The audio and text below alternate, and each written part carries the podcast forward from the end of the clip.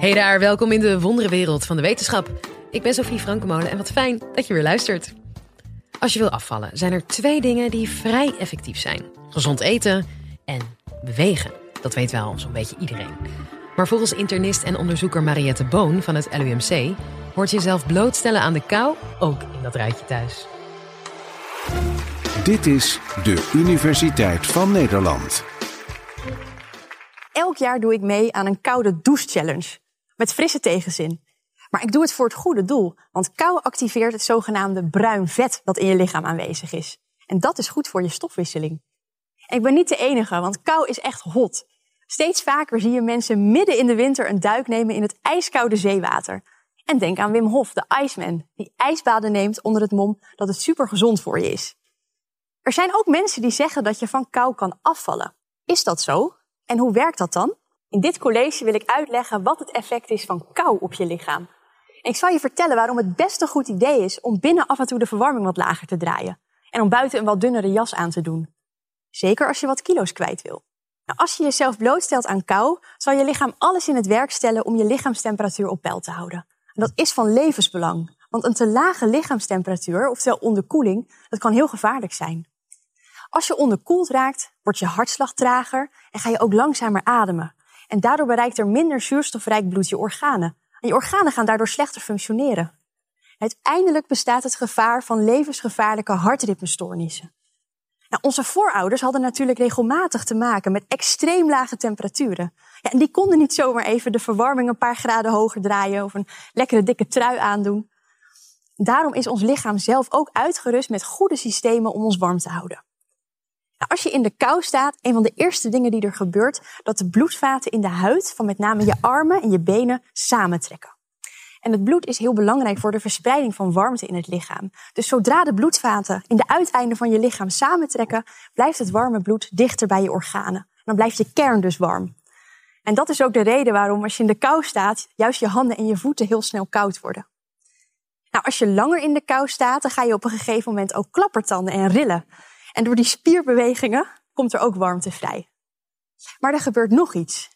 Want we hebben een speciaal type vet in ons lichaam dat aangezwengeld wordt als we in de kou staan. En ik had het er net al even over. Dat is het bruine vet. Nou, de term bruin vet, dat klinkt misschien een beetje vies of het doet je aan bitterballen denken. Maar we noemen het bruin vet omdat het ook echt een bruinige kleur heeft. We hebben dus meerdere kleurde vet in ons lichaam. En globaal delen we die in in wit en in bruin vet. Het witte vet, dat eigenlijk een beetje gelig is, dat is een heel groot orgaan in ons lichaam dat uit miljarden zogenaamde vetcellen bestaat. En dat witte vet dat zorgt onder andere voor het opslaan van energie in de vorm van vetten.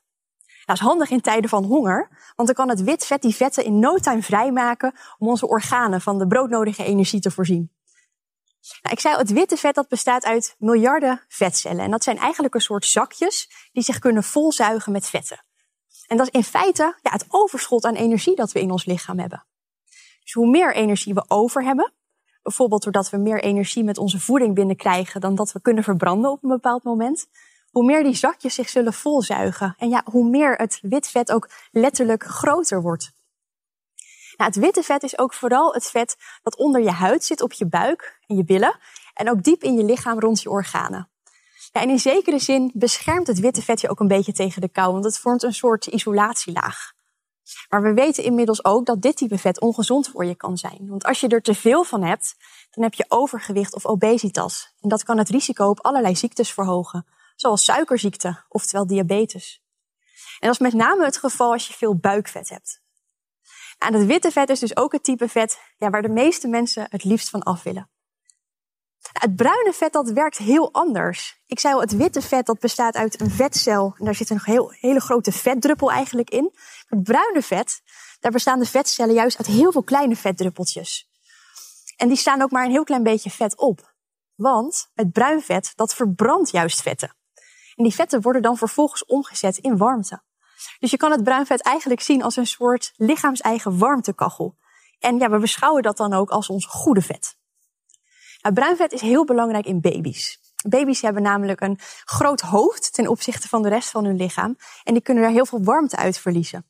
En dat bruin vetkacheltje in baby's, dat houdt ze warm. Ze hebben namelijk ook nog heel weinig spieren om zich warm te rillen. Nou, en in baby's zit het bruin vet met name tussen de schouderbladen. Maar met het ouder worden, dan zie je dat we steeds meer van dit bruine vet verliezen. Maar ook in volwassenen is nog een beetje bruin vet aanwezig. En in volwassenen zit het met name in de nek en voor de ruggenwervels langs de grote bloedvaten. En dat is wel een hele slimme plek, want dan kan de warmte die gemaakt wordt door het bruine vet direct aan het bloed worden afgegeven en zo verspreid worden door het lichaam. Ja, en zo houden we dus ook onze kern warm. Nou, bruin vet wordt dus aangezet als je blootgesteld wordt aan kou.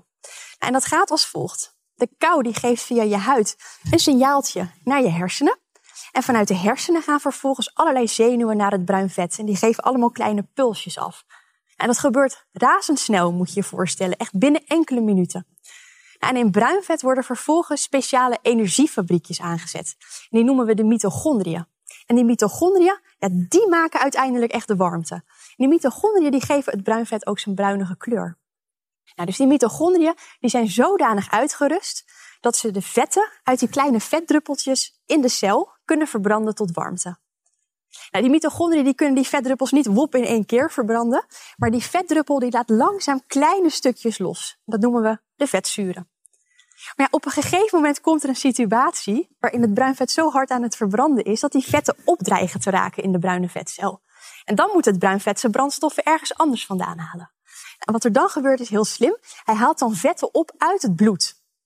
En wat het mooie daaraan is, is dat het witte vet, dat dus praktisch overal in ons lichaam zit, vetten kan loslaten in het bloed, die vervolgens naar het bruin vet getransporteerd worden. En op die manier slurft het bruine vet dus als het ware je vetten op van plekken waar je het graag kwijt wil.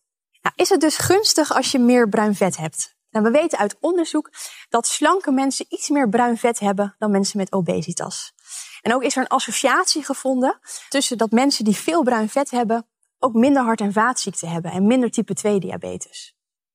Ja, uit dit soort studies weten we nog niet of dit echt door het bruin vet komt. Want ja, als je heel slank bent, dan heb je natuurlijk ook minder onderhuids wit vet.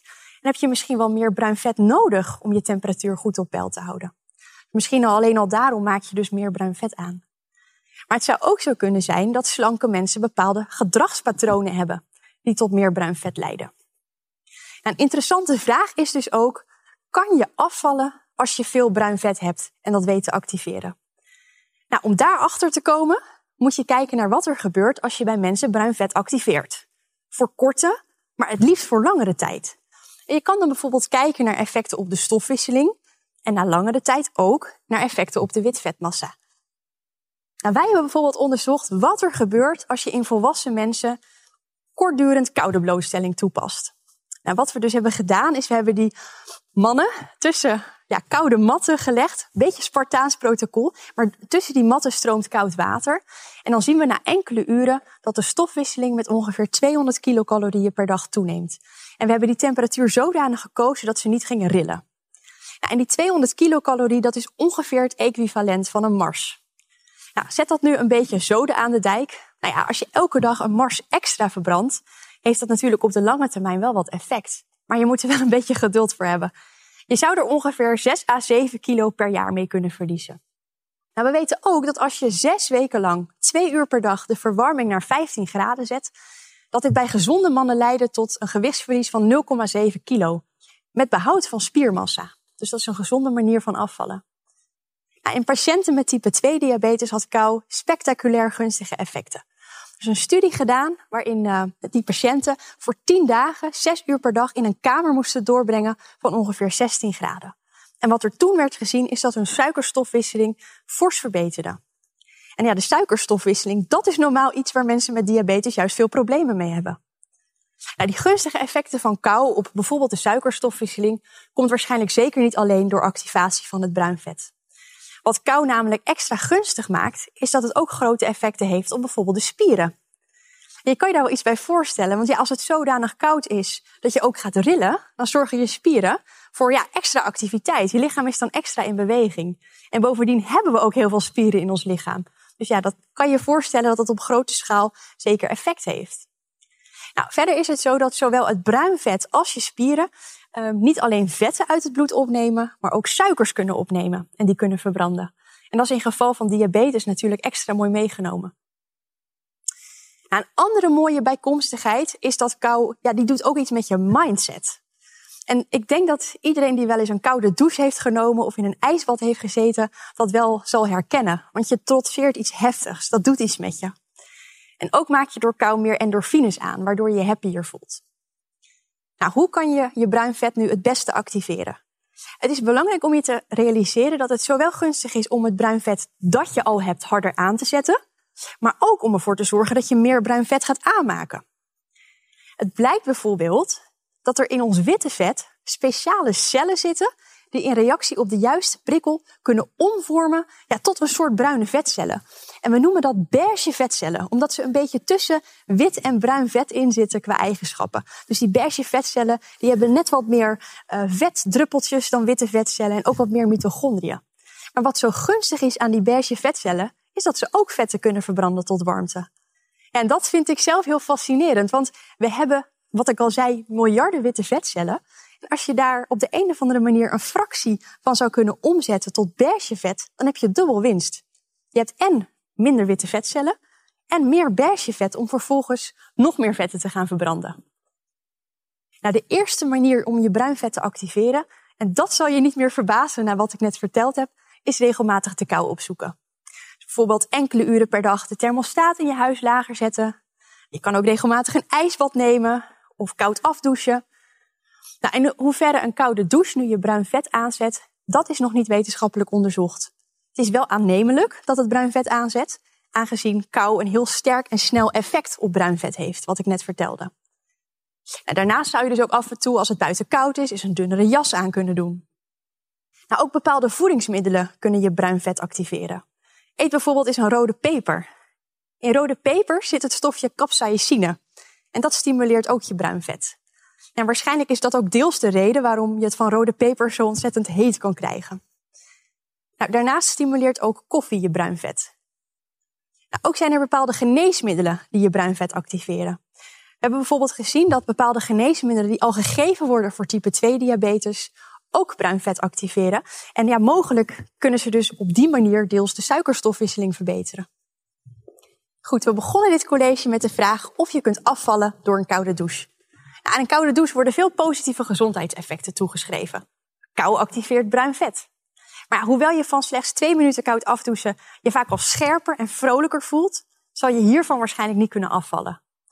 Beter kan je langduriger de kou opzoeken, zoals regelmatig je thermostaat omlaag zetten. Je moet het bruin vet dus niet zien als de heilige graal, maar het is wel zo dat alle beetjes helpen als het gaat om je vet verminderen. Ik stel dus voor allemaal vanavond een hete peper eten en aflussen met een koude douche. Je hoorde Mariette Boon. Nou, een lekker ijsbad na de feestdagen is dus helemaal niet zo'n slecht idee. En vond je dit nou een leuk college? Laat dan vooral ook een recensie achter van ja, bijvoorbeeld 4 sterren of 5 sterren. Hartstikke leuk. Tot de volgende aflevering. Die gaat over de grondrechten van dieren.